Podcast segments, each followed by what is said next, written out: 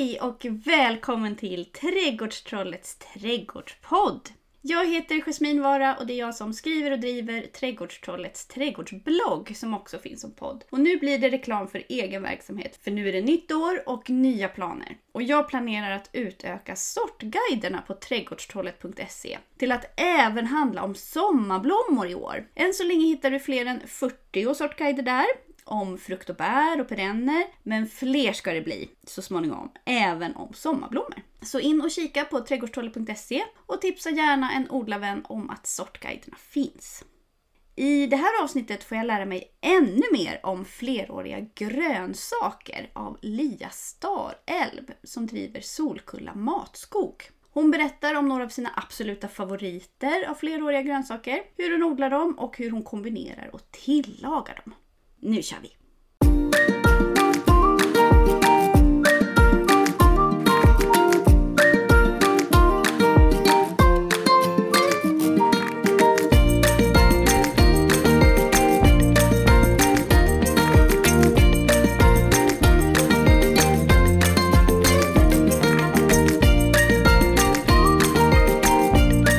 Då ska vi se, då var det dags igen. Hej och välkomna till podden allihopa. Här sitter jag och kurar i min studio i mitten av december. Det är kallt och det är snöigt ute och hela trädgården ser ut som en sovande gräddtårta. Folk fnattar runt och fixar med julen och det stressas, men jag tar det lugnt istället. Sitter hemma och kraxar på min kammare och så drömmer jag mig bort till vårens trädgård och allt härligt som jag vill plantera där. Som fleråriga grönsaker till exempel. Många av dem är ju riktigt härliga vårprimörer faktiskt. Och det är ju också temat för årets bloggjulkalender. Som du inledde Lia, hej! Hej! Du fick ju skriva första inlägget där. Ja.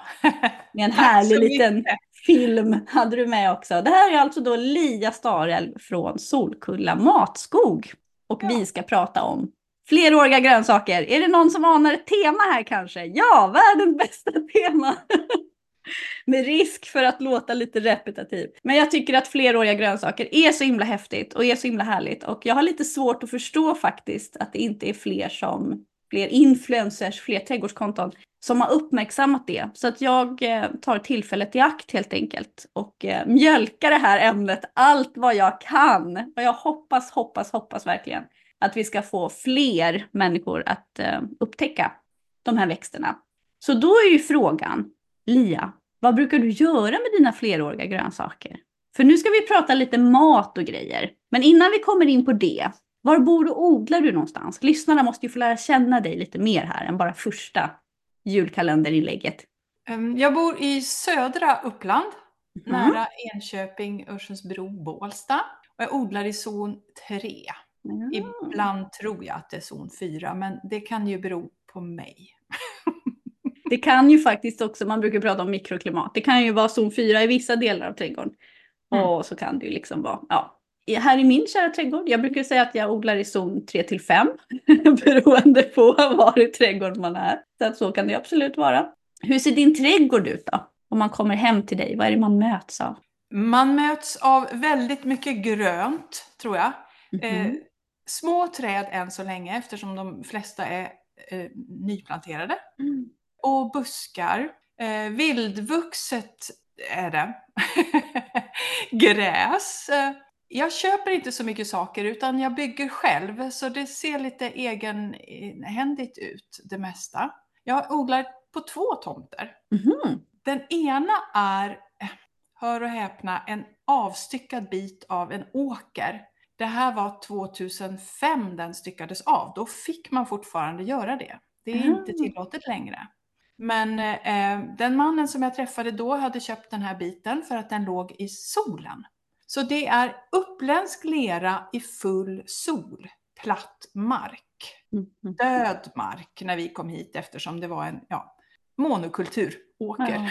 Ja. Eh, Men dock, leran är otroligt näringsrik. Så bara man får till det så, får, så behöver man ju nästan inte gödsla. Mm. Det växer. Eh, Det är på den ena sidan och sen på andra sidan av vägen så stod ett litet torp och det har vi köpt till för att det stod alldeles ensamt. och hade två ofantligt stora oxlar Oj! som hängde över huset som jag bara älskar. Och jag var tvungen att köpa de där oxlarna. och den stora stenröset som också var vid torpet. Så jag säger, jag har inte köpt torpet, jag har köpt ett stenröse och två oxlar. Men hur har du det med sten i backen då? Därför att där jag bor, där är det ju nästan omöjligt att gräva. Försöker man gräva så säger det klonk och så kan man stöta på stenar som antingen är stora som en tennisboll om man har tur, då kan man ta bort dem. Eller så är de stora som ett badkar och då kan man inte ta bort dem. Så att, eh, hur har du i din lera?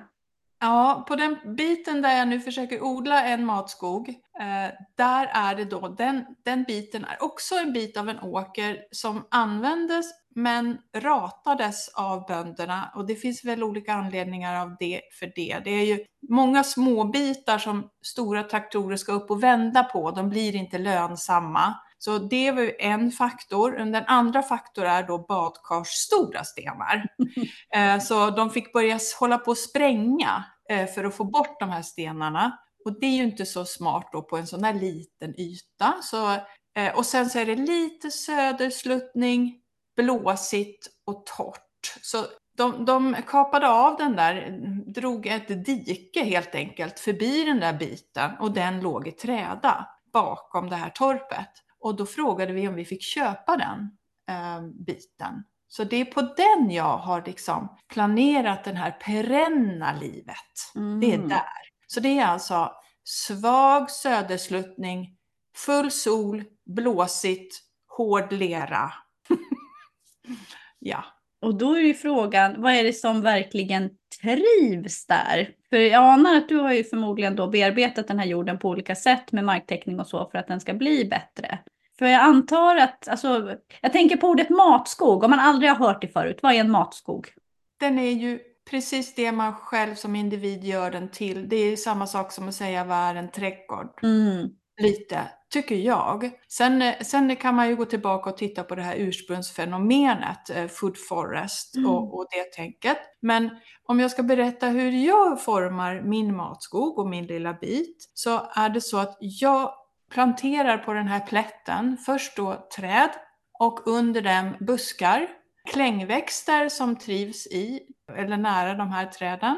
Och under alltihopa vill jag ha perenna grönsaker men inte gräs. Så den här biten av tomten kommer att bli gräsfri men fylld av ätbart. Så min dröm är ju då att jag ska kunna ströva in i den där eh, lunden och eh, kunna plocka och äta av allt. Mm. Men allt, det är inte allt för jag planterar också blommor eftersom min trädgård, det är, jag vill att det ska vara vackert. Mm. Och visst finns det perenna grönsaker som är vackert, men eh, jag vill att det ska blomma hela tiden.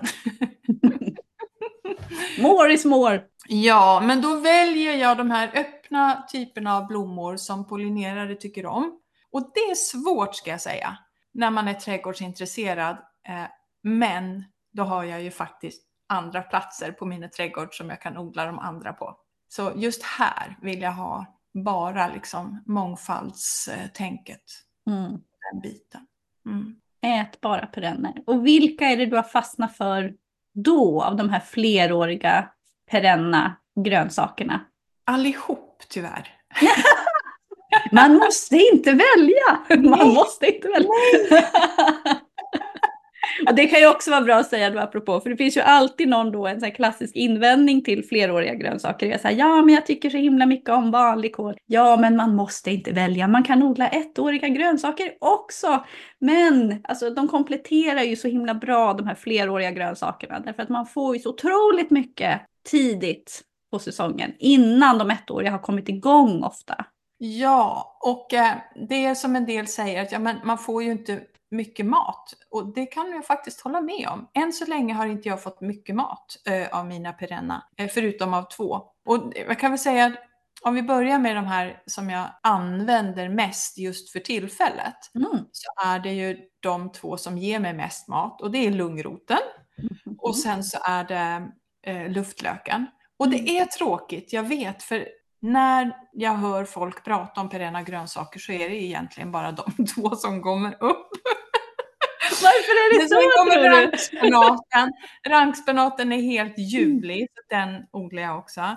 Men sen odlar jag ju alla andra som det är vårsköna och sockerrot och löparfetblad och korogin älskar jag. Mm. Och nu har jag fått reda på att smällglimmen som jag också börjar sprida mer, den är också väldigt näringsrik. Och jag odlar egentligen de perenna grönsakerna av två stora anledningar. Den ena är att jag vill odla hållbart, det vill säga jag vill slippa gräva för mycket och dutta för mycket. Mm. För mig, jag märkte liksom när jag började odla på riktigt så att säga, inte bara lite grann, så jag är ingen jag tycker inte om att um, omhulda saker. Jag vill inte gå och plocka och dutta och kolla och Mm. kontrollera. Och planterar jag något i en kruka så dör det för att Mm. jag går inte dit och tittar. Du är som jag! Ner med dem i backen, väx eller dö! Väx eller dö! Jo. Precis, och det märkte jag, okej, men då är ju det här för mig. Jag trivs med det. Så, så ja, det, det är en av anledningarna. Och den andra anledningen är att de mest näringsrika växterna, det är de här. Och det är vetenskapligt undersökt och det, de har kollat på det. Vi kan ta referenser senare, men det, och då, då känner jag att om det är så att det blir katastrof, jag, är in, jag går inte omkring och ängslas så som jag vet att en del gör. Eh, men när coronan kom och eh, när man insåg att okej, vi kanske måste odla mer själva, vi ska försöka tänka bli mer självförsörjande. Mm. Och då tänker jag, men då vill jag ha näring eftersom jag en gång utbildade mig till kostrådgivare. Matlagning är min stora grej. Jag tycker om att äta så att jag är pigg, energifylld och eh, mår bra. Och visst, det som är smartast är ju ärtor, bönor, potatis. Mycket Ehm. kalorier i potatis. Mm. Ja, ka- kalorier och så. så. Men näringen, hur får jag den då? Om jag nu ska vara självförsörjande och behöver odla det som är enkelt att odla själv för att bli mätt. Mm. Då kan jag ändå ha en trädgård som ger mig näringen utan att jag behöver ge trädgården energin. Mm. Och där kommer de här grönsakerna in för mig. Att om jag bygger upp den, ja, de träden, de buskarna i min trädgård och de sen sköter sig själv, då kan jag odla hur mycket söta goda sallader och morötter och, och härliga färska bönor och sockerärtor som, som jag vill, för då kan jag lägga min energi där. Mm. Liksom. Så att det är lite survival-tänk jag har Mm. med det här. Det är en bra pålitlig bas kan man säga. Bas för näring, ja. Mm. Men den största biten egentligen, det är ju, det är ju inte de perenna grönsakerna för mig, utan det är bären och frukten. Mm. Där jag älskar bär. Jag vill gärna kunna hela vintern äta 3 deciliter bär om dagen. Och jag kan det. För att jag har en sån mångfald av bär och eh, eh, frukter. Och jag vet hur jag ska ta hand om dem. Jag har liksom fixat mitt kök så att det är enkelt. Och då, ja, så det är väl det. Därför. Jag vet inte, var det, var det svar på frågan eller? Ja, men alltså, jag, jag bara sitter här, ni ser ju inte det ni som lyssnar, men jag sitter här och, och, och nickar. Eh, halleluja, preaching to the choir. Alltså jag är ju utbildad pomolog, så att ja, frukt och bär, det ligger mig otroligt Mm. nära om hjärtat. Jag har ju till och med ett föredrag som heter Långsäsong med frukt och bär, där jag berättar hur man kan få en frukt och bärsäsong som sträcker sig över hela året. Och mycket av det är ju också hur man väljer att planera saker och ting. Det är många som, som stressar ihjäl sig och de får liksom all skörd och det spelar ingen roll då om vi pratar om om tomater eller om vi pratar om sallad eller om vi pratar om, om vinbär eller vad det nu kan vara för någonting. Folk stressar ihjäl sig i sina trädgårdar i slutet av sommaren. Oj, det är så mycket att ta rätt på. Oj, oj, oj, oj. Fast det behöver ju inte vara så, utan det beror ju på hur man planerar och strukturerar. Alltså målet är ju, oavsett om vi pratar bär eller tomater eller grönsaker eller vad vi pratar om, målet är ju att man ska kombinera olika sorter som kompletterar varandra. Det är Ja. målet. Kombinera olika sorter som kompletterar varandra. Och då kan man till exempel då ta tidiga bär som blåbärstry, sådana som kommer mitt i sommar, sådana som kommer på slutet, sånt man kan lagra. Det finns lagringspäron till exempel, det är inte alla som vet om det. Men det gäller ju även grönsaker. Och många av de här fleråriga grönsakerna är ju sådana tidiga vårprimörer. Och Mm. vissa kan man skörda hela sommaren. Andra kanske inte är så goda mitt i sommaren och så får man klippa ner dem och så kommer de upp igen på hösten. Mm. Så det är ju det här att man ska vara strateg, man ska vara latsmart. Det är Ja. det det här går ut på. Man vill ju äta lite hela tiden. Ja, och för, för mig har de perenna grönsakerna också blivit en sån där krydda i det sena livet. Eh, Jag har passerat 50 och nu har jag en helt ny trädgårdsvärld att lära Mm. mig. Och det är jättekul att lära känna nya växter och nya smaker. För det är svårt att beskriva smak på de här växterna. Och det är lite därför som jag gick ifrån, jag drev en restaurang eh, och då fick jag vara inomhus i nio år. Så den har vi sålt nu. Nu ska jag vara utomhus i resten av mitt liv. Men också jobba med att få människor att smaka på det här. Mm. För till den här restaurangen kunde jag ju ta med mig de här smakerna och eh, blanda in dem Mm. i buffén där så att folk fick det på det, det viset. Men här gör jag istället workshops där folk kan komma hit, gå ut i min trädgård, vi skördar, vi tillagar dem och så får de känna, men är det här någon växt för mig eller inte? För en perennväxt är inte samma sak som en annuell när det gäller förökning, utan ta exempelvis den, här, den, den sköra eh, rankspenaten Mm. När man sår den så är de, de är så små, plantorna, och de är så sköra. Så det är svårt att få, få dem att överleva som små. Mm. Eh, och sen så tar det ju tre år innan du får en ordentlig skörd. Mm. Det är väl ändå nackdelen får man väl ändå säga med de fleråriga grönsakerna. Man får odla sitt tålamod. Man får inte ha för bråttom. Mm. Och då kanske folk drar sig lite för att köpa en dyr sån planta. Mm. De tänker att ja, ska jag köpa liksom fem sådana där plantor och så planterar jag dem och så vet jag inte om jag tycker om dem ens. Mm. Och då tänker jag att eh, ja, men då, då ska man åka någonstans där det finns smaka, kolla eh, och sen kan man köpa dem där. Och sen är det så att jag har ju gjort just så eftersom de här är nya för mig också. Mm. Eh, De flesta som har börjat odla perenna grönsaker, de är också nya i den här världen. Alltså, vi, det är det som är så häftigt, att det är, det är nytt för oss alla. Mm. Och jag märker att alla tycker om olika sorter. Alltså när jag säger någon älskar eh, kärleksört, en annan äter aldrig nässla, en tredje säger att jag skulle aldrig odla eh, sockerrot och det är en av dem som jag odlar upp mycket nu. Mm. Så det beror ju på vad har man för trädgård, vad är det för jordmån, vad har man för kök, hur lagar jag min mat, vad Mm. vill jag ha i min mat? Mm. För de här växterna är ju någonting som man, som man kompletterar sin matlagning med. Det är som jag sa förut, ingen grund i en matlagning, utan det är något du kompletterar din matlagning i. Och vad har du för matlagning idag som behöver kompletteras? Och det beror ju också på det, vad tycker du om att ha för, för växter i din trädgård? Så det är helt individuellt vad man gillar och inte gillar. Mm. Så jag har ju köpt en planta och sen har jag planterat den och så tar jag frön och förökar den om jag tycker om den. Mm. Så jag har haft den eh, ett eller två år och sen har jag bestämt om jag vill föröka den. Så det här tar ju tid. Men jag har inte bråttom.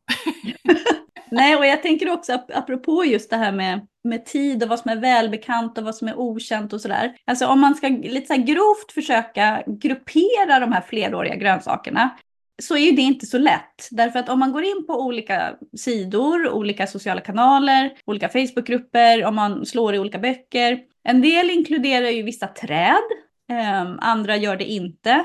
Vissa inkluderar vissa ettåriga växter, som till exempel trädgårdsmolla, den är ju ettårig. Matriplex hortensis. Men många tolkar den eller upplever den som flerårig för att den själv sår sig och sådär. Mm. Så det, det är inte alltid liksom helt lätt. Men om man ska försöka då så grovt gruppera dem i, i fyra grupper. Så min tolkning i alla fall. då tänker jag så här typ att det finns en grupp som man kan klumpa ihop som bladgrönt. Ja. En grupp man kan klumpa ihop som lök. En grupp som är typ rötter och knölar.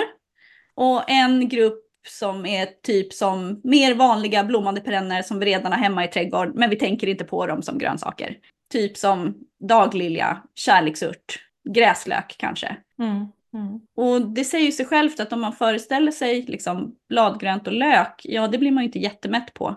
Men om man då, komple eller, eller kärleksört för den delen. Eh, Men om man då kompletterar med lite stärkelserika knölar och rötter och då kanske den här potatisen eller vad det nu är som man brukar äta. Så Mm. blir det ju tillsammans ändå en hyfsad måltid. Sen finns det ju baljväxter också, men de har jag ganska dålig koll på. Eh, typ ärtvickor och sånt där. Jag törs inte riktigt säga någonting om dem. Jag vet inte om du har, Nej. har hunnit smaka dig igenom något sånt. Eh, Jag har försökt eh, att få dem att trivas i min trädgård. Jag har inte riktigt hittat eftersom jag är, det är ju lera här. Mm, ja, jo, det är samma här. jo, tack. Voj, voj. De här, de här växterna är ju väldigt små och sköra när de kommer upp och de första åren. Så då är det lite svårt att få dem att, att trivas i lera. Som är väldigt kompakt och sträng. Ja. ja. Jag, just ärtvickor har jag satt ner vid varenda träd och buske och eh, i höstas så hittade jag en överlevare. Oj, ja. Men eh, det är bara på igen. Mm. För det är ju också så att jag bygger på höjden. Jag gräver inte utan jag fyller på. Mm. Och när jag, om några år så har jag fyllt på så mycket att någon kommer att haka sig fast och sprida sig, det vet jag. Mm. Så det är bara att fortsätta helt enkelt. Mm. Eh, men vad var det du sa? Kategori, alltså att lägga in det i kategori, eh, det finner jag ingen mening med egentligen. För jag, jag, från, från min sätt att se det, så är det ju så att man får göra sin egen kategori. Vad tycker jag om? Vad vill jag ha? Mm. Eh, Man behöver inte bry sig om vad andra har egentligen, utan det är bara vad trivs jag med? Och eh, när jag, i min värld så söker jag efter näring. Och eh, jag vill ha en vettig tarmflora för jag vet att det är den som håller mig frisk och håller mig ung tills jag dör. Mm. Så det är det som jag letar efter. Så min kategori är inte hur den ser ut, om den växer under eller över jorden. För min kategori är eh, vad ger den mig och kommer jag att äta den? Och då tänker jag att det är därför du gillar korogi. Nej, korogi gillar jag för att den är så himla rolig. för det är också en väldigt stor bit i livet. Man kan inte leva utan den där glädjen. Mm. Och korogin ger, den är ju bara vatten. Alltså, den är, den är inte någon näringsrik. och den är inte, ehm, hur ska man säga, den ger ingen mättnad.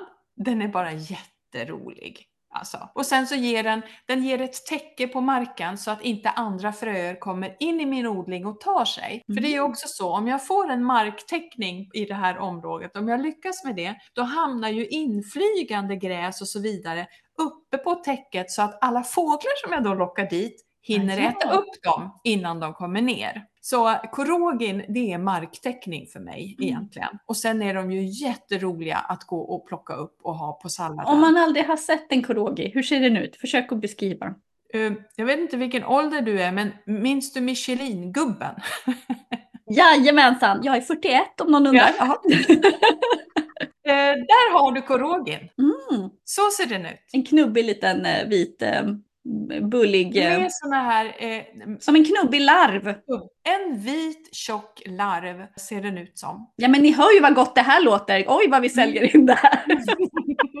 Nej men det roliga var att när jag hade den på kaféet så var ju folk väldigt fascinerade och blev överlyckliga när jag hade den. Och jag toppar den ju bara Liksom, för, den, för mig är den som en liten snygging på en smörgås bredvid eh, tomaten. Liksom. För tomaten är röd och så är det gröna salladen och sen så är det en vit korogi. Det är liksom pricken över it. Och så lite sån här eh, vad heter, isört på det, några blad. Då blev folk så här, men jösses, vad är det här? Kan man äta? Ja, eh, så den är liksom, vad skulle jag säga? Jo, en försäljare som kom till Café Samt som säljer eh, grönsaker. Mm. Han sa, oj, odlar du sån här? Jag köper allt.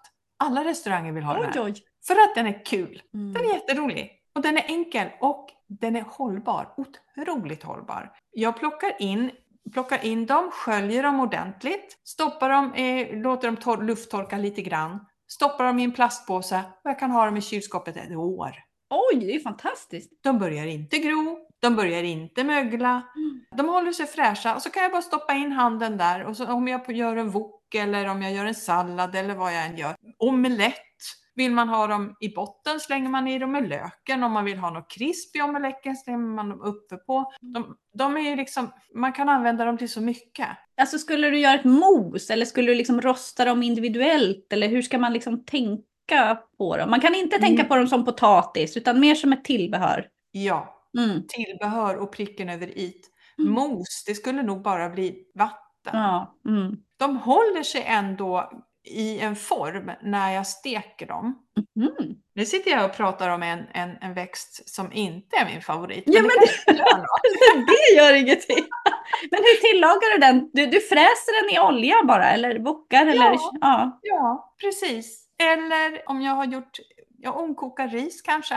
Och då slänger jag på dem i slutet, Mm. eh, uppe på riset. Så att de omkokar med lite, då blir de varma och blir lite krispiga tillsammans med ett härligt mjukt ris. Eller så har jag dem uppe på salladen. Eller ja, överallt. Alltså jag känner att du talar som en kock. Är du kock eller vad, vad är du egentligen? Jag är inte utbildad kock, men jag har ju, jag har ju stått vid grytorna i nio år. Vid de vegetariska grytorna. Ah. Och arbetat utan recept. Det är ju ännu svårare! Med, eh, med smakglädje om, om, om jag säger så. För det jag också har märkt är att när jag, när jag startade min restaurang så startade jag egentligen ett råfodcafé. Men det var en så liten stad så ingen visste ens att vad råfod var. Ja, ja. Vilket innebar att jag var tvungen att tänka om och då gjorde jag istället en vegetarisk buffé. Och det hade jag inte planerat. Och kostnaden för att få någon inkomst på en buffé, den är ju egentligen minimal. Man behöver tänka väldigt snålt när det gäller eh, råvaror. Men jag tog inte, har inte tagit in något i mitt kök som inte är en, hur säger man, whole food säger man på engelska och på svenska säger man vadå? ja, jag vet inte om det finns ett riktigt bra, att det går att, någonting man använder hela Ja, för, grönsaken alltså, av. Att laga mat från grunden. Ja. Så om jag ska ha vitlök, då är det få krogar. De som, är, de som odlar, eller de som är finkrogar, de kanske köper en ekologisk vitlök. Men annars så köper man ju vitlök som är skalad och vitlök som är skalad och hackad och skalad och pressad. Du köper inte ens liksom lök. Man köper inte ens råvaran längre utan man köper liksom... Nej. Mm. Den är, oftast är den taget en eller två steg i process innan man köper den till sitt kök. Mm. Och det här är ju för att vi i Sverige betalar för arbetskraft, men inte för råvarorna så mycket. Men för mig gick inte det eftersom jag inte kunde sälja något jag inte själv vill äta. Mm. Så vi stod ju och skalade våran vitlök. och eh, det här innebar ju att jag måste hitta möjligheter att servera mat som är billig. Och då kom baljväxterna in. Ah. Hör och häpna! Jag har inte ätit baljväxter i hela mitt liv innan jag startade restaurang och insåg att jag måste ha en billig basmat här. och då, då började jag blötlägga och koka bönor. Och de här bönorna, eftersom jag själv inte tyckte om bönor så var jag tvungen att vara väldigt kreativ för att få dem goda. Ah, ja! Så jag, ja, jag hade väldigt roligt i det här köket måste jag säga. Ehm, och eh, det gällde att vara kreativ. Och då, eftersom jag använde de svenska råvarorna mest, men vill ha en väldig eh, variation på min buffé, Mm. så har jag tagit till världens smaker, om man säger. Om man tänker på olika världsdelar så tänker man också på, på eh, liksom en smakfamilj. Ja. Och de, de idéerna tog jag med in i matlagningen så att jag liksom gjorde olika smakfamiljer och sen kombinerade jag de här men använde de svenska varorna, svenska eh, grönsakerna med baljväxter Mm. i kombon. Och Så sen att- smög det sig in. Är jag ju, men jag är väl inte kock. Kan man inte, ja, jo kock är jag väl också. Om jag måste så! Men det är svårt. Jag skulle ju inte kunna gå till en restaurang och säga anställ mig. För jag vet inte hur man lagar den svenska liksom, maten egentligen. Jag kan laga mat. Jag kan använda vad du än lägger framför mig och göra en, en smaklig måltid av det. Men jag kan inte sätta namn på den måltiden sen, eller den rätten. För det blir bara en rätt av det som kommer framför mig. Bara och bara. Jag skulle vilja kalla dig för matkonstnär, men det kanske bara jag. Ja. Mm. Ja, så kan man säga. Och det är lite det som jag tänker också med de här perenna grönsakerna. Det är där vi måste vara. Ja. För hur ska vi annars kunna lära oss att äta dem? Om vi inte vågar bara använda dem i olika sammanhang och se var passar de att användas hos mig, hos Mm. min familj. Vad tycker jag om? Det är ju det som vi måste jobba med Mm. när det kommer sådana här nya nya gamla, för de här är ju, de odlades ju här på 1700-talet. Men sen har de ju försvunnit just för att de smakerna är, är ganska tunga och man inte vet hur man ska göra dem rätta liksom. Det är mycket beska Eh, Ja. Mycket mörkt grönt. Och faktiskt en del, en del umami skulle jag säga också i, i vissa Mm. av de här. Så att, så att om man blandar dem, om man, liksom inte, om man inte tänker sådär att åh, nu ska jag äta eh, bitterkrassing istället för sallad, alltså då blir det lite konstigt. Men om man blandar, Mm. om man blandar, Mm. om man, om man, och jag anar att det är det du gjorde med din buffé där, att de här perenna fleråriga grönsakerna liksom smög sig in i din buffé, men att du inte hade en hel bytta med liksom eh, Mm. en enda, liksom, en hel bytta med rankspenat. Det var väl knappast så du jobbade tänker jag. Nej, och när jag hade kaféet, restaurangen så hade jag heller inte en perenn trädgård, utan det Mm. mesta jag tog eh, var ju blommor. Blommor och blad. Eh, så det är inte så att jag, hade, att jag då hade en perenn trädgård. Den, har jag ju, den började jag odla upp när coronan gjorde att det var väldigt tråkigt på min arbetsplats. Mm. Jag hade väldigt mycket energi när jag kom hem och innan vi åkte till jobbet. Mm. För att innan jag åkte till kaféet på morgonen där så var jag i min trädgård och när vi kom hem. För att på jobbet behövde jag ju knappt lyfta ett finger. Det var, Mm. kom ju inga gäster. Nej. Så, och eftersom jag är en, eh, fylld av energi och vill få göra saker så var det, Mm. gjorde jag dem hemma istället. Och då insåg jag att nej, men det här är mycket roligare än att stå på ett café. Särskilt ett coronacafé. Ja, Så då sålde, jag, då sålde vi kaféet istället.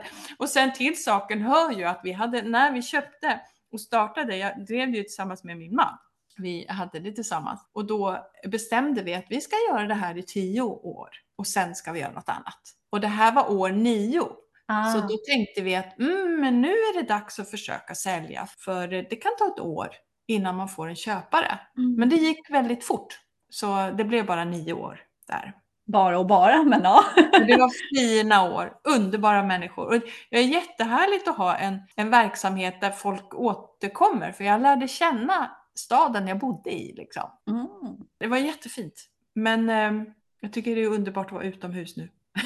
Nej, men, och nu har du ju dina workshops här. Ja. Och då är det ju säkert många som kommer som, som aldrig har, har provat eller smakat det här. Mm. Finns det några bra liksom, nybörjarsorter du gärna langar fram om du vill frälsa folk och få dem att upptäcka? Mm. Finns det liksom någon snällis som de flesta brukar gilla av de fleråriga grönsakerna? Rankspenaten säger jag då. Mm, för att? För att jag tycker att den är vacker. Jag tycker inte att den är svårodlad. En del säger att den är det. Jag tycker att den är lättplacerad.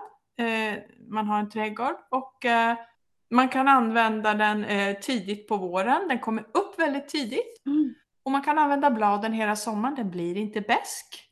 Den sätter en mängder av frön som man sen kan använda på inomhus och, och göra sån här mikrogrönt av. Oh. Man kan ha den i buketter för den får ju väldigt långa rankor som liksom blir så här små gula blommor sådär. Så att Oh, lite om man har en bukett så kan man stoppa ner en sån där och den liksom ah, är den vilda. Mm. Liksom. Och jättefina blad som är som hjärtan, ljusgröna, avlånga, som är jättefina att bara plocka in och lägga liksom, som dekoration. Och, och lite tycker jag att det är synd att människor dekorerar inte sin hemmamat. Nej, det är inte sant. så många som gör det. Men har man en perenn trädgård och får en rutin i att gå ut och plocka sina perenna gröna blad Mm. som har så många olika smaker och former, då kommer man att börja gå ut och bara plocka en näve och lägga på sin mat. Så då kommer man börja med det här med att dekorera sin mat. Mm. För det, när jag har åkt bort, om man åker på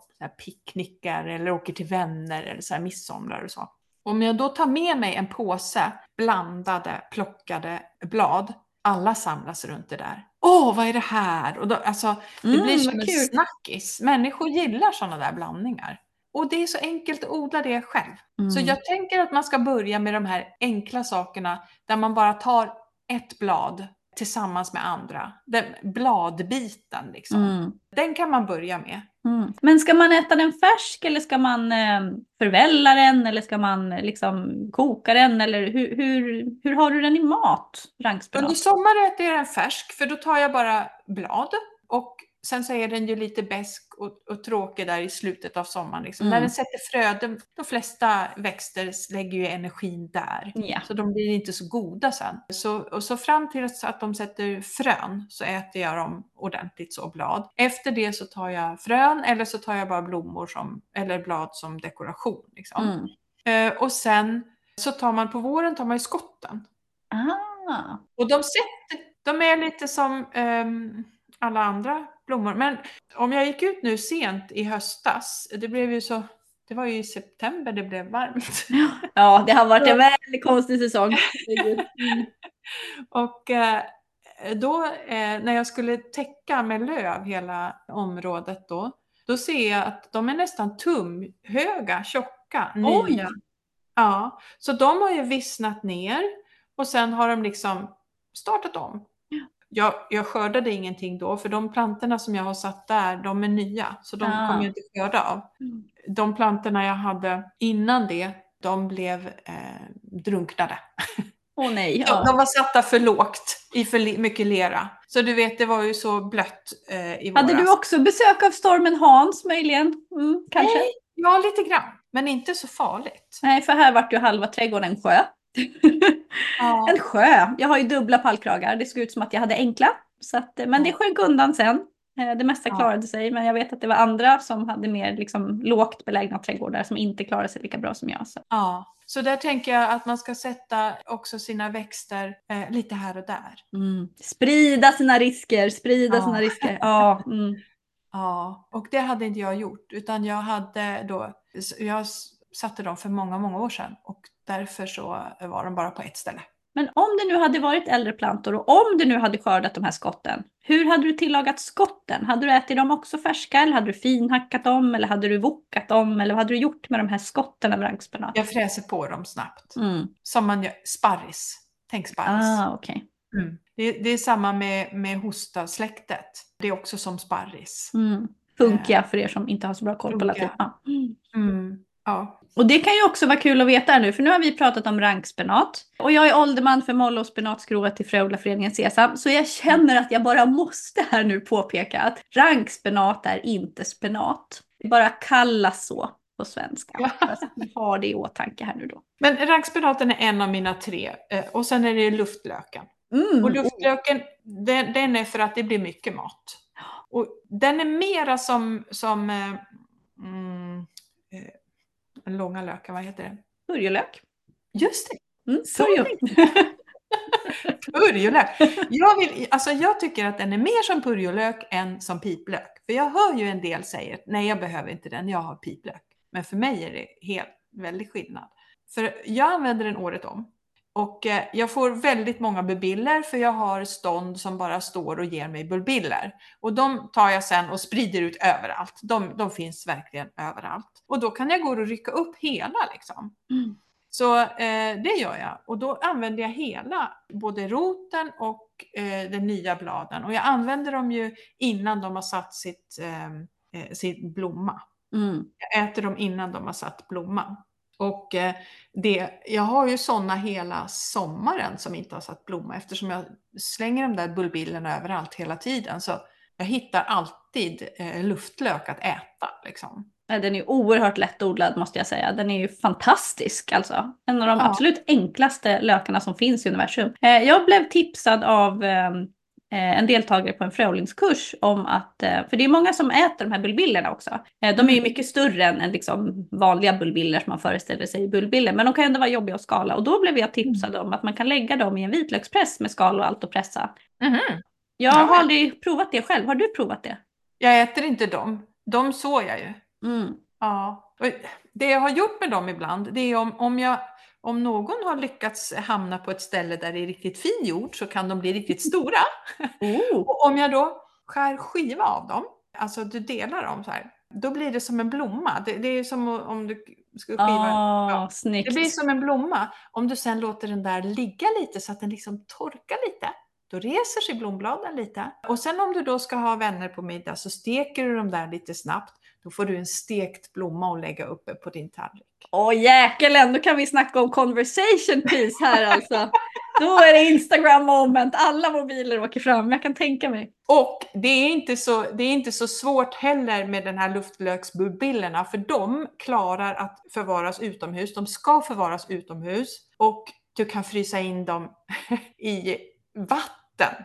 De, de klarar sig ändå. Tinar du dem så är de inte liksom, eh, sådär lösa och hemska utan de klarar allt. Det är den tuffaste lök jag har varit med om. Så om du samlar dem, för det är lite så för mig i alla fall, jag som bara slänger ut dem här och där och inte har några djupbäddar och sånt där annat fint att odla i. Jag samlar de där stora i en påse. Så jag har dem så, så att jag har för en middag en sån här, ja nu har vi åtta Mm. gäster. Sådär, så att jag sparar dem på ett ställe. Men annars så, så äter jag inte dem. Mm. För pilligt. Nej, jag tycker den är otroligt tacksam. Det är, det är en sån här som, som jag brukar sprida åt höger och vänster. Om man har varit på fröodlingskurs med mig då brukar det nästan alltid finnas en, Mm. en stor sån här äh, terrakotta-kruka full med bullbiller av luftlök Mm. där det står varsågod, det är Mm. bara att ta. Och även den minsta bullbill eh, blir en lök. Ja. Så det, det är inte så här att åh, jag måste ha en stor bullbill för att lyckas. Det blir lök av allt. Så Mm. den är jättefin. Och sen min tredje då, det är eh, lungrotan. Oh, Mm. som också Mm. kallas för Ja, gode Henriks molla. Och då måste jag ju då som vän av ordning återigen, eftersom jag är ålderman för moll och spenatskrået i Fröodlarföreningen Sesam, så måste jag bara poängtera att det är ingen riktig trädgårdsmolla. Den kallas för molla. Men det är inte en atriplex hortensis, utan lungrot är lungrot. Den kallas för molla, men det är inte en molla. Så, då fick jag det sagt. Nej, men den, den är också så mång, mångfacetterad. ehm, Så den gillar jag. Den ger mycket mat, men det är som med mycket av det mörkgröna, vi ska inte äta för mycket Ja. eftersom ja, man ska inte äta för mycket av någonting. Men det finns ju en del som gör smoothie och grejer på färska gröna blad hela tiden. Det, det är inte bra för jämvikten i kroppen. Mm. Så jag använder också fröna mycket. Så jag Aha. skördar bladen och bladen gör jag, jag lägger dem i vatten över natten och då kan de stå utomhus för de kommer ju tidigt på våren. Så jag skördar bladen tidigt på våren, lägger i stora bunkar eller utomhus. Eh, Och då är det ofta sådär att ja, men nu är det skördedags för eh, lungrot och luftlök. Och då tar det en hel dag att jag skördar dem, jag ställer dem över natten så att de urlakas i det här kalla vattnet. Mhm. Och sen häller jag på en omgång hett vatten och skälper bort det. Och då har jag en smak som, det finns inga bitterämnen, ingenting, Mm. utan den är bara ehm, Mm, det är klart att den är dov och mörk för att det är ett mörkgrönt blad. Men det är en, en basvara för mig. Jag behöver inte ha ehm, spenat. Mm. Jag behöver inte, nu odlar jag spenat också, men det behövs inte egentligen. För den här, den här gör det jobbet. Och eh, så fräser jag luftlöken och det, den går snabbt att skörda, tar längre tid att eh, rensa. Mm. Så, så där, där sitter man och, och lyssnar på poddar eller tittar på TV eller någonting Mm. när jag skördar alla de här luftlökarna.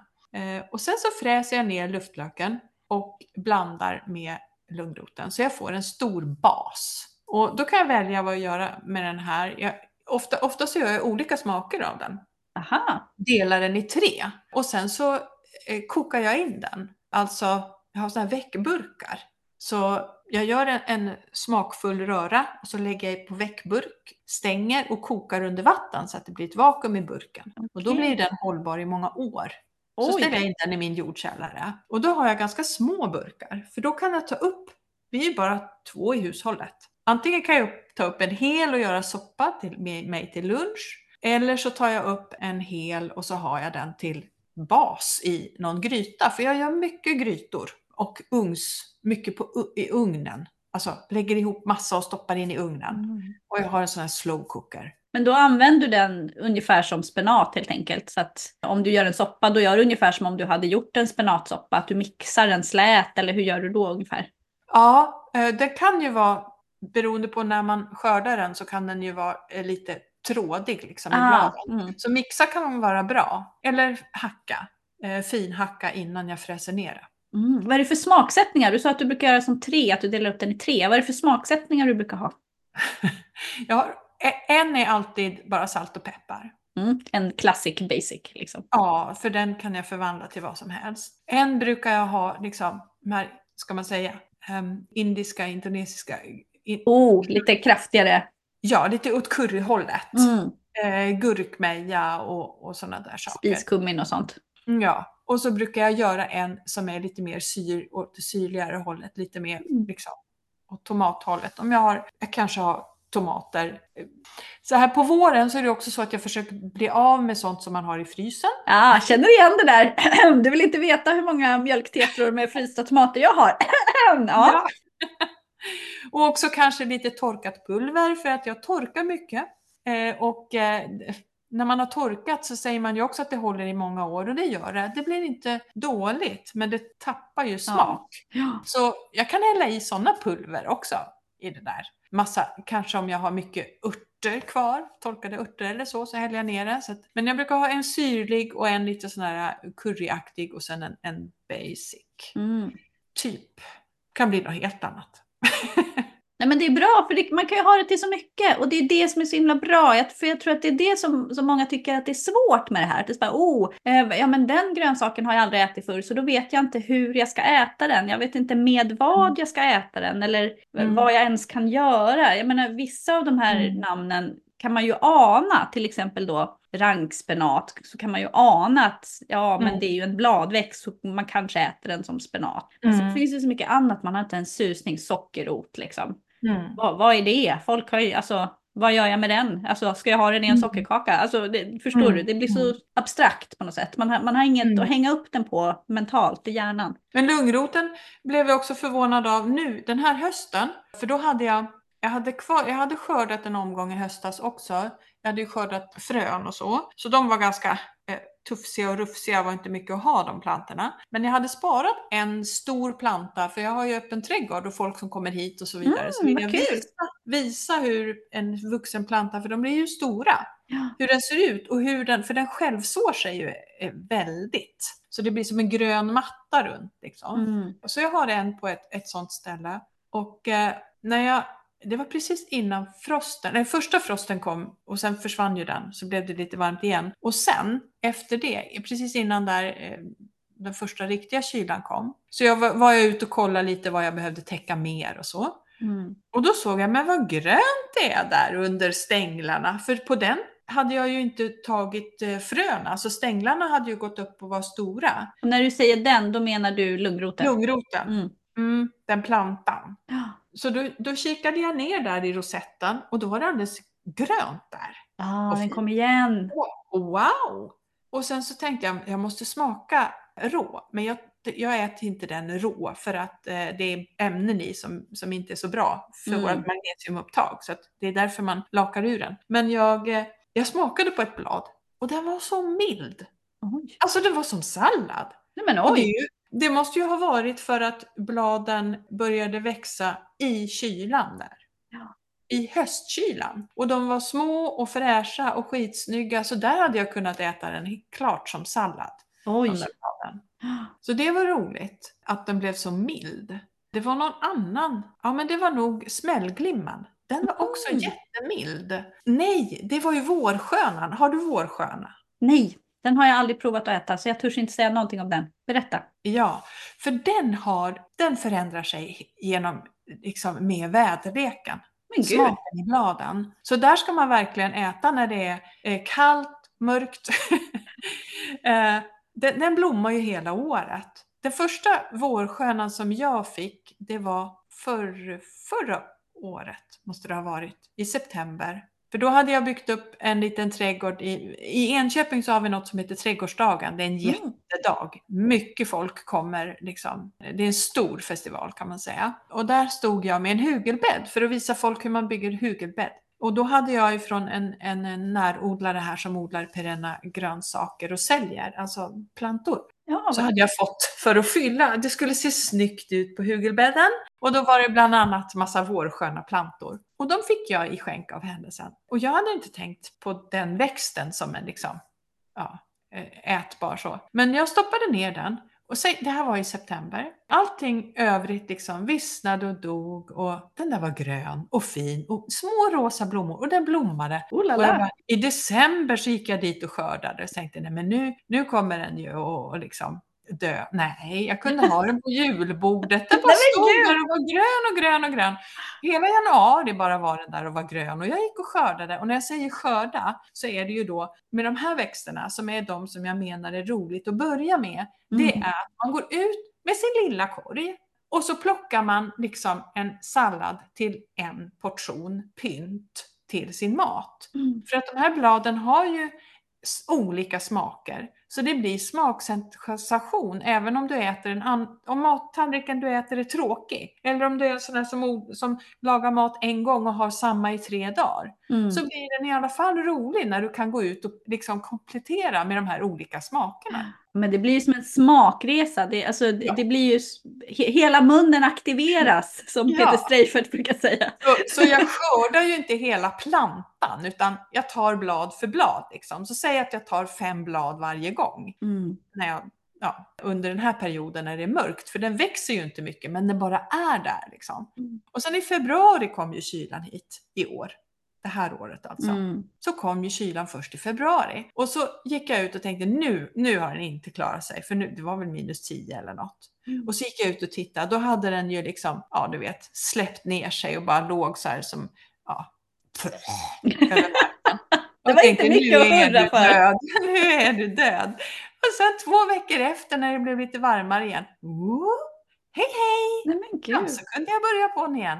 Den har inte dött än. Nej men gud. Ja, och det här är ju inte en perenn utan det är en, mm, ja, hur ska man säga, kortlivad perenn. Eller vad är det man säger? Den är ju inte tvåårig heller utan det är bara Nej, det att den lever ett tag och sen dör den och då Sen har den orkar den inte. Ja. Så det är ju frösående perenn, hur, du, hur vi nu ska kategorisera dem. Du hade någon form av kategori Mm. Ja. där. Så Det är inte alltid så lätt.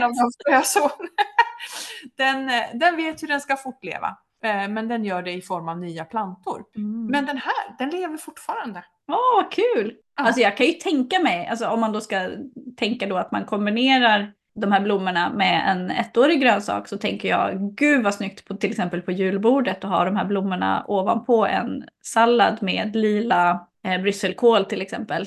Ja. Eller lila eh, kruskål, alltså grönkål fast lila grönkål med de här blommorna. Ja. Tänk vad vackert! ja. Och så lite korogi. Ja men alltså, det, det är, alltså och det är så här, sånt här finns ju liksom inte. Det finns, du kan ju inte gå in på en restaurang och säga hej nu vill jag äta korogi och jag vill ha vårsköna och jag vill ha, alltså ska man äta det här då får man ju odla det själv. Ja, Det är ju så. Ja. Mm. Så är det ju. Och om man då är en snål budgetodlare som jag, jag har ju vissa sådana återkommande teman i mina kanaler och en av dem är ju budgetodla, där att Mm. man kan odla helt eller nästan gratis. Vilka av de här fleråriga grönsakerna är lättast att föröka själv? Om man vill få ett överflöd som man kan dela med sig av till, till sina odlarkompisar eller sina grannar eller i sin trädgårdsförening. Vilka är lättast att föröka själv? Vilka ger jättemycket frö? Jag menar luftlök till exempel är jättetacksam. Finns det fler Mm. sådana här som är lätta att föröka själv så man inte behöver köpa, köpa plantor? Lungroten är ju en, en av dem. Mm. Den frösår sig som en tok. Rankspenaten säger jag också. Mm. Och märkligt nog har jag hört folk som har svårt att så den. Det är inga problem för mig att så den. Eh, Man får mycket frön också. Smällglimmen Mm. frösår sig också själv. Löparfetbladen. Mm. Men de tycker inte jag om smaken på under sommaren. Men andra som går i min trädgård, de äter den där och säger mums. Så Jaha. det, då är det alltså så att mina smaklökar har någonting de reagerar på som kanske inte andra har. Så där är det så individuellt. Mm. Jag tycker om den på våren när den kommer upp för då, då har den också långa skott som jag skördar och fräser snabbt. Mm. Men jag är inte så förtjust i den rå. Men det är en del som är. Så den är jätteenkel eftersom där tar man bara en kvist och lägger den på jord på den. Sen och så får det- den rötter av sig själv. Ungefär som att bryta av ett blad av en kärleksört och lägga på marken. Den får rötter Ja. av sig själv. Liksom. Mm. Eh, nej, det gör inte mina. Ja, det, det gör mina kan jag säga. Jo då. Inte mina! Faktiskt. Jag har till och med tagit in som inte har fått rötter. Men kärleksört också, den, den eh, beter sig olika på olika växtplatser också. om den blir god eller inte. Så där ska man, om man säger så här, nej jag tycker inte om det, kärleksört. Man kan då flytta eller ta en rotbit eller lägga ner ett blad som du säger och sätta den på någon annan plats i trädgården. Eller jag köpte en annan sort som hette kinesisk kärleksört. Mm. Mycket mindre planta, ljusare blad, jättegod hela mm. sommaren. Men absolut inte så livskraftig då som kärleksört är. Mm. Och men kärleksörten är också en sån som jag, jag tycker inte om den när den har fått blommor och sådär. Mm.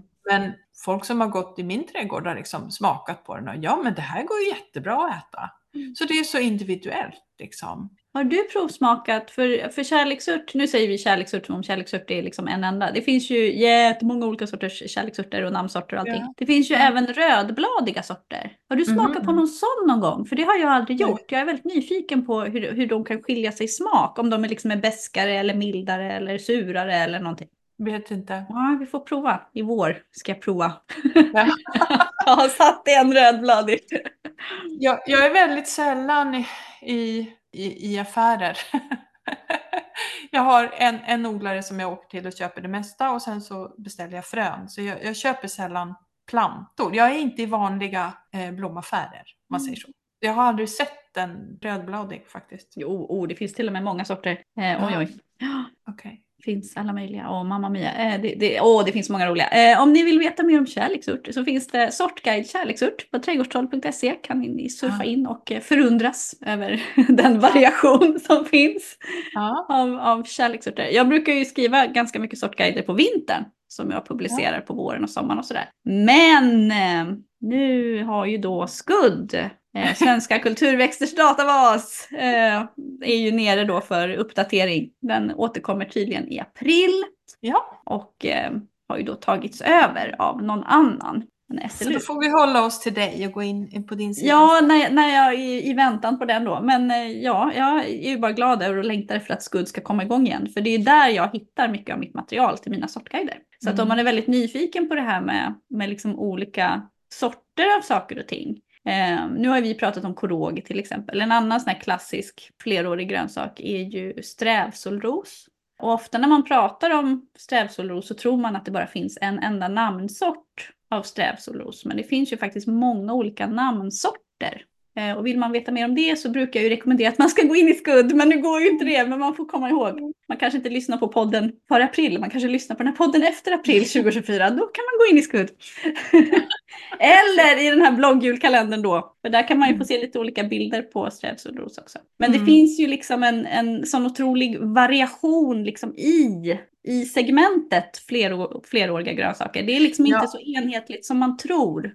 Ta exempelvis sockerroten. Den, eh, jag har bara hittat en sort, eh, men när den introducerades i Sverige så gjorde ju det, hände ju det samtidigt med moroten. Mm. Så de här kom in i Sverige eh, samma, samtidigt eh, och lite konkurrerade med varandra i trädgårdarna och moroten vann ju. Mm. Och det förstår man ju eftersom den är enklare. enklare Större, köttigare rötter liksom. Ja, precis. Den kanske gick bättre att förädla också, det vet jag inget om. Men ehm, det blir mer mat på den än på en eh, sockerrot. Sockerroten smakar helt annorlunda och den, är så, den blommar första året. Det gör mm. ju inte morot. Eh, så sockerroten är också en sån där, ja odla den för den är jättevacker. Det är en, en sån här flockblomma. Mm. Den är jättefin. Hur skulle du beskriva smaken? Därför att jag har aldrig smakat sockerrot, men jag är så nyfiken. Jag vet att jag, hittills har jag inte träffat på en enda person som har smakat sockerrot som inte har gillat den. Så att jag, men, men det är men svårt. Jag skulle liksom... säga, om jag inte nämnde det i alla fall, när den kom eh, samtidigt med moroten, då fanns det många olika sorter. Ah, men nu när man söker efter sockerrot så finns det sockerrot. Ja. Mm. Så de har ju försvunnit. Men. Förhoppningsvis finns de gömda någonstans, det vet jag inte. Mm. Eh, så det kanske återkommer. Men eh, ja, eh, jo, hur den smakar. Mm. den är mild. I konsistensen är den lite mer eh, trådig än moroten, men den är in, det är inte så att man får trådar i munnen utan den är fortfarande, man kan säga den är mer åt, åt eh, rädishållet Liksom. I konsistensen typ? Ja, men ändå mjukare. Den är rundare i smaken än en morot. För moroten, liksom, när man biter i den så snäpper man av den. Eh, den är liksom lite hård. Men sockerroten är mjukare. Men det går ändå att snäppa av den. det går inte att förklara. Nej men det är Men den är jättesvårt. sötare. eh, Och den är sötare på ett mildare sätt Mm. än vad moroten är. För moroten har en markant sva- smak sådär. Ja men det här är morot. Ja. Eh, so- Sockerroten har ingen sån markant smak. Den är mer diffus. Men det går nog inte att förklara det. Den är bara väldigt, väldigt, väldigt god. Vet, må, många brukar använda det här ordet nyanserad, att smaken är liksom nyanserad på något vis. Att, att, att, Jag skulle säga att den är gräddig. ah, Men den, alltså, den är ju inte gräddig, utan, men du vet när man får in en smak i munnen och den känns rund. ja, jag förstår En precis. del smaker är så här nåliga, Mm. stickiga, skarpa. Men den här smaken är rund. Mm. Och jag kan inte säga att en morot har en rund smak. Nej, förstår du vad jag... Ja, jag förstår precis. Jag förstår precis. Mm, mm. Och då är frågan, hur ska man tillaga den då? Alltså äter du den som den Det är? gör jag inte. Jag har inte så mycket så jag tillagar dem inte som de är nu. För när man tillagar saker så då mister de ju det. Jag gillar ju knaster. Mm. Jag tycker om när det knastrar. Struktur. Mm, mm. Och det är så mycket annat som, jag, som är mjukt i min matlagning i och med att jag gör så mycket grönsaksmat. Mm. Och för att kunna äta ordentligt så behöver man koka dem, annars hinner man inte få i sig all näring. Mm. Så, så jag, det är ju mycket kokt eller ugnsbakat och då är det så fint med just sådana här jättegoda smaker som man kan addera som är krispiga. Liksom. Och det häftiga med den, varför jag föll för den, det var en Först, första året så var det så här, jaha, jo den är god, eh, men den är lite jobbig att skörda och den vill ha mullrik jord. Den vill inte egentligen växa i min lera. Mm. Men sen våren, i våras, så kom jag ut och då, jag hade liksom placerat dem i ett dike och sen upp på kanten av diket för att se, liksom se var trivs de? Liksom? Vill de ha varmare jord? Vill de bo på en liten kulle? Eller vill de bo i diket? Ja, jag, hade liksom, smart. jag hade placerat dem liksom nere i diket och upp över kullen för att se var trivs de. Och eftersom jag inte vattnar så mycket så trivdes inte de uppe på kullen. Eh, De vill ha lite fukt. Men de där nere, de hade liksom, för, för, ska- ska man säga, om du, tar, om du tar din hand så här och eh, sätter fingrarna ner mot backen, så ser liksom rotsystemet ut. Mm. Som ett knippe rötter liksom. Mm. Och i och med att jag odlar, eller jag, ska man säga, jag, jag fyller uppåt, kompakt lera och så fyller jag på. Så jag planterar ju mina grönsaker ovanpå leran. Mm. Och sen hade allt det här täckmaterialet försvunnit ifrån rötterna. Så den stod upp med rötterna ungefär 3 cm ovanför jorden. Men gud. Och sen kom liksom skaftet där den kom upp. Så stod de. Och det var fruset. Alltså, det, det var ett dike med vatten. Så de stod där i vattnet, frusna. Mm. Och jag tänkte, okej, bye bye. Tur att jag satte några högre på kullen. Men det tinade, vattnet försvann och de växte på. Men gud alltså. Ja, Det är inget helt problem. Och otroligt. den här, yes, de ska jag ha. Lite så jobbar jag. Nej men det är helt rätt. Alltså, ja, på många sätt så jobbar jag likadant. Kan man inte gräva neråt för att det tar stopp, ja då får man ju bygga uppåt. Alltså vad, Mm. vad är alternativet? Och när man som jag jobbar liksom i den här branschen och har jättemycket att göra på våren, inte 17 hinner jag hålla på och dalta och dutta och vattna varje dag och gödsla varje dag och gulligulla med mina plantor, utan det är no mercy alltså. Ja, Det som lever, det lever och det som dör, det dör och så är det med den saken. Så det, den blir det. Mm. Så den har jag satt många nya nu. Mm. Det är också så, jag har tagit upp en och det är också bra då, egentligen ska man väl Just med den här grönsaken kanske man ska ha dem i en djupbädd. För att du, jag kan ta upp hela sockerrots eh, liksom, roten, Beståndet typ. Ja. beståndet Mm. Eh, sen kan jag skörda de största och då finns det kanske två eller tre små ynkliga. Och då kan jag kapa av det gröna, stoppa tillbaks alltihop igen.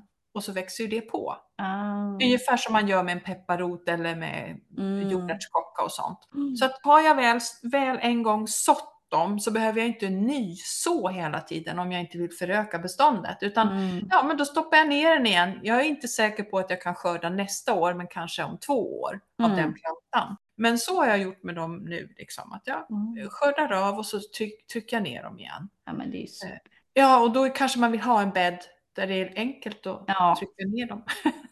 Ja, man slipper slita ihjäl sig. Jo, Ja. jag, det, jag kan föreställa mig där hur du krälar runt där i ditt dike och liksom kämpar. Men, men då är det Mm. väl värt det. Och då tänker jag, alltså de är ju säkert inte så lätta att rengöra. Man får väl borsta dem, men man behöver inte skala dem, eller hur? För då blir det väl ingenting kvar av vissa. Nej, man behöver nog inte skala dem. jag gjorde något roligt häromdagen, för det hade jag, eh, de sista jag skördade, de hade jag inte använt, utan de hade hamnat bak i skafferiet någonstans. Så jag hittade dem torkade eh, igår. Men jag bara, okej, torkad sockerrot? Hur smakar det? Vågar du smaka? Vad ska jag göra med den här? Så jag eh, skar den i bitar och har mixat den till ett pulver som jag ännu inte har testat. Men ofta är det också så att man kommer på nya saker när man gör fel. Ehm, på restaurangen i kaféet där jag själv skulle få ut en hel buffé till lunch så var det ju ofta så att jag gjorde tre rätter samtidigt. Du vet så här, man har Mm. tre, fyra skålar. Mm. Det där ska bli en soppa, det där ska in i ugnen, det där ska vara en dressing och så ska det vara någon bas till något där. Ja, och så har man kryddburk i handen och så vet man, ja lite i den och lite i den och så, ja, så här. Och så ska det där blandas och vila innan de där ska ihop och så. Och då händer det ju då några burkar hamnade i fel burkar och ja, några kryddor i fel ställen och så. Mm. Och då uppstod nya rätter. Då bara, Oj, vilken smakkombination! Det här, det här har jag aldrig testat. Och så slängde jag ut det och folk bara, det här har jag aldrig varit med om, det var jättegott. Och, Oh, Åh, så bra! är bara, jag vet, eller jag menar tack, eller jag menar vilken tur. Och det här, det här sättet kan man ju, om man, om man tillåter sig att göra så i ett kök och tvingar sin familj att de också tillåter den, Ja. då, då kan man ha riktigt roligt med de här nya smakerna och nya liksom, grönsakerna och Mm. nya kryddorna. Mitt kryddskåp, det är nog det skåpet som innehåller mest olika saker. Oj. Baljväxterna också kanske, men eh, ja, jag har alla typer av kryddor och så fort jag kommer förbi en sån här konstig butik där jag inte vet vad det är som står på förpackningen på kryddan, då köper jag den. Då Mm. måste jag testa. Vad kan, man, vad kan man göra? För det går alltid att kombinera med svenska grönsaker på något sätt. Mm. Ja, men det är väl att man ska våga prova. Det är väl det, man får våga prova Mm. sig fram. Mm, mm, det är så. Så nu ska jag testa det här med pulveriserad sockerrot. Ja, men vad kul. Man- Du får avlägga rapport sen. Du kanske lägger upp något på ditt Instagram. Vad heter ditt Instagram? Det heter Solkulla matskog. Om man vill följa Lia så Ja. kan man göra det där. Det Mm. finns ju länkat också från Mm, första inlägget, lucka nummer ett ja. i en Och bloggjulkalender. Facebooken har samma namn. Ja, nu har vi pratat ganska länge om fleråriga grönsaker här du och jag. Ehm, Mm. Är det någon fråga som du tycker jag har missat? Jag brukar alltid avsluta på samma sätt. Eller är det något du vill prata mer om? Eller finns det något som du liksom saknar i den här svenska trädgårdsdebatten som du önskar att vi pratade mer om? Jag är ju, jag älskar träd. Det är min Mm. grej. Mm. Ehm, träd och det vilda gröna.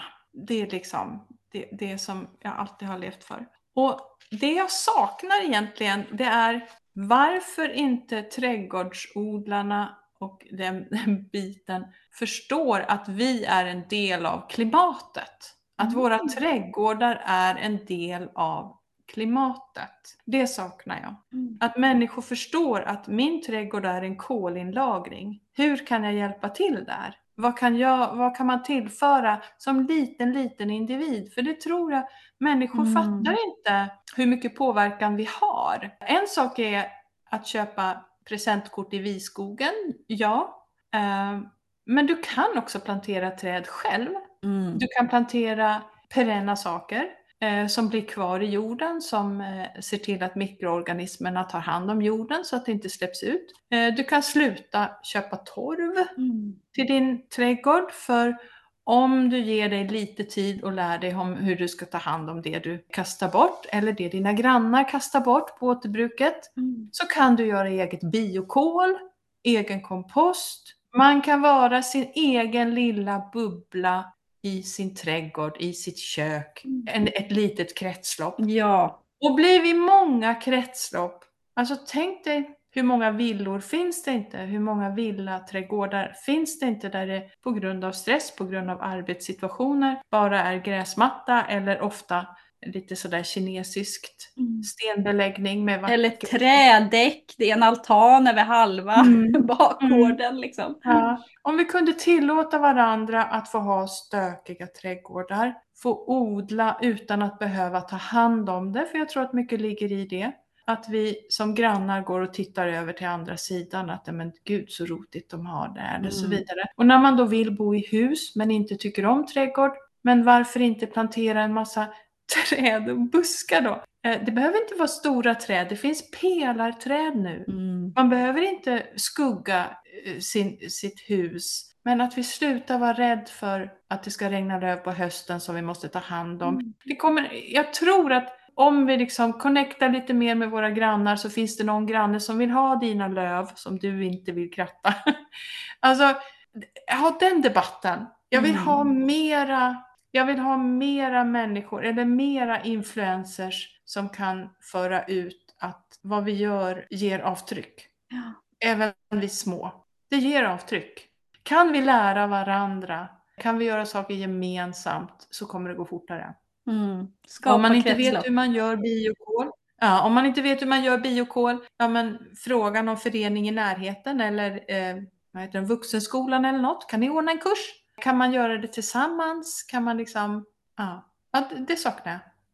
Ja, och det där är ju, Mm. för mig är det som du beskriver är ju budgetodling, alltså förmågan att omvandla så kallat avfall till en resurs. Ja, För eh, den där löven, de där lövarna blir ju jord så småningom. Och Ja. då slipper du köpa jord. Hur roligt är det att konka på de där så kallade jordsäckarna som egentligen mest består av torv från trädgårdsbutiken? Hur roligt är det att konka på dem? Det är inte jätteroligt. Och de kommer bli dyrare och dyrare för varje år. det är tidseffektivt, det måste du medge. Alltså ja och nej, det beror också på hur man odlar. Därför att jag som eh, bland annat odlar i pallkrage, jag älskar mina pallkragar, jag odlar på friland också.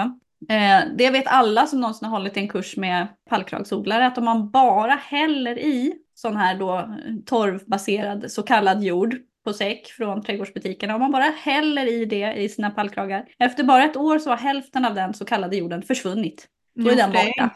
För det är inte jord, precis. Exakt. Så att det blir, och då är det en ond cirkel och då tänker folk, oh, då måste man köpa mer, då ska man fylla på.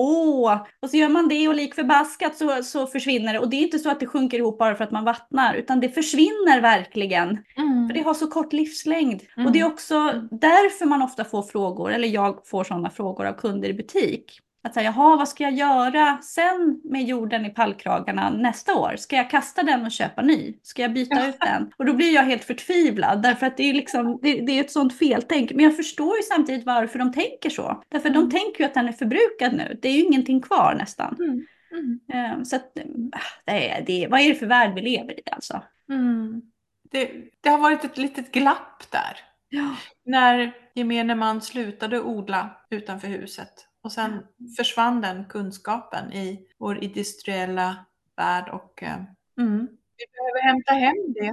Ja, men ja, vi behöver hämta hem det och vi Mm. behöver återbygga våra kretslopp. Mm. Alla vill ha Mm. snabbsnygga, färdiga lösningar. Det ska Mm. gå fort, det ska vara klart, Mm. det ska vara färdigt.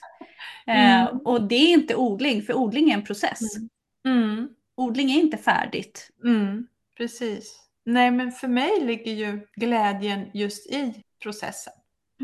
Jag älskar att ta hand om alla de här små plantorna som man hittar på våren. Mm. Jag frösår inte så mycket utan det frösår sig själv och så tar jag hand om de plantorna som kommer. Liksom. Och så sätter du dem där du vill ha dem. Ja, precis. Flytta på dem. Mm. Så, och, och det är ju en, process. Men ja, Nej, jag, jag tycker om att se vad som händer. Jag, jag, är inte, jag är absolut inte någon som går och ordnar till saker. det är mer så, oj, det här hände här. Ja, men då, då gör vi väl så här då. Ehm, så är det mycket hos mig. Jag tycker Mm. det låter väldigt lustfyllt och härligt och kreativt. Mm, mm, mm. Stämmer. Mm. Ja, tack snälla du för att du ville vara med i podden säger jag. Jätte, jätteroligt att få prata ännu mer fleråriga grönsaker. Det Ja. känns som ett eh, underbart ämne som jag verkligen hoppas kommer sprida sig nu med lite ringar på vattnet här. Eh, det är ju jättemånga härliga, underbara människor som har varit med och gästbloggat i eh, den här uh, julbloggkalendern. Det är en ny gästbloggare varje Mm. dag från första december till och med julafton. Då. Och sen kommer lite extra matnyttiga finalinlägg här på slutet. Härligt. Att det är bara att man, att man spanar. Och så hoppas jag, för vi har ju faktiskt aldrig träffats på riktigt du och jag. Jag hoppas att vi träffas på riktigt någon gång. Vi bor ju inte så långt ifrån varandra. Precis. Och jag är ju och flänger en del. Eh, Jag har ju till och med bott i Upplandsbro en gång i tiden. Mhm. Så att eh, det, det känns som att vi är grannar även om vi inte är det. Bara för att jag har bott där en gång. Men jag hittar ganska bra så jag ska säkert hitta hem till dig också så småningom. Ja. Du är välkommen. Ja men tack och du är varmt välkommen hit också till mitt lilla paradiskaos om du skulle ha vägarna förbi någon gång. Men tack snälla för denna gång. Så får du ta hand om dig så hoppas jag att vi får ses på riktigt i framtiden. Tack så mycket. Tack snälla. Hej då alla.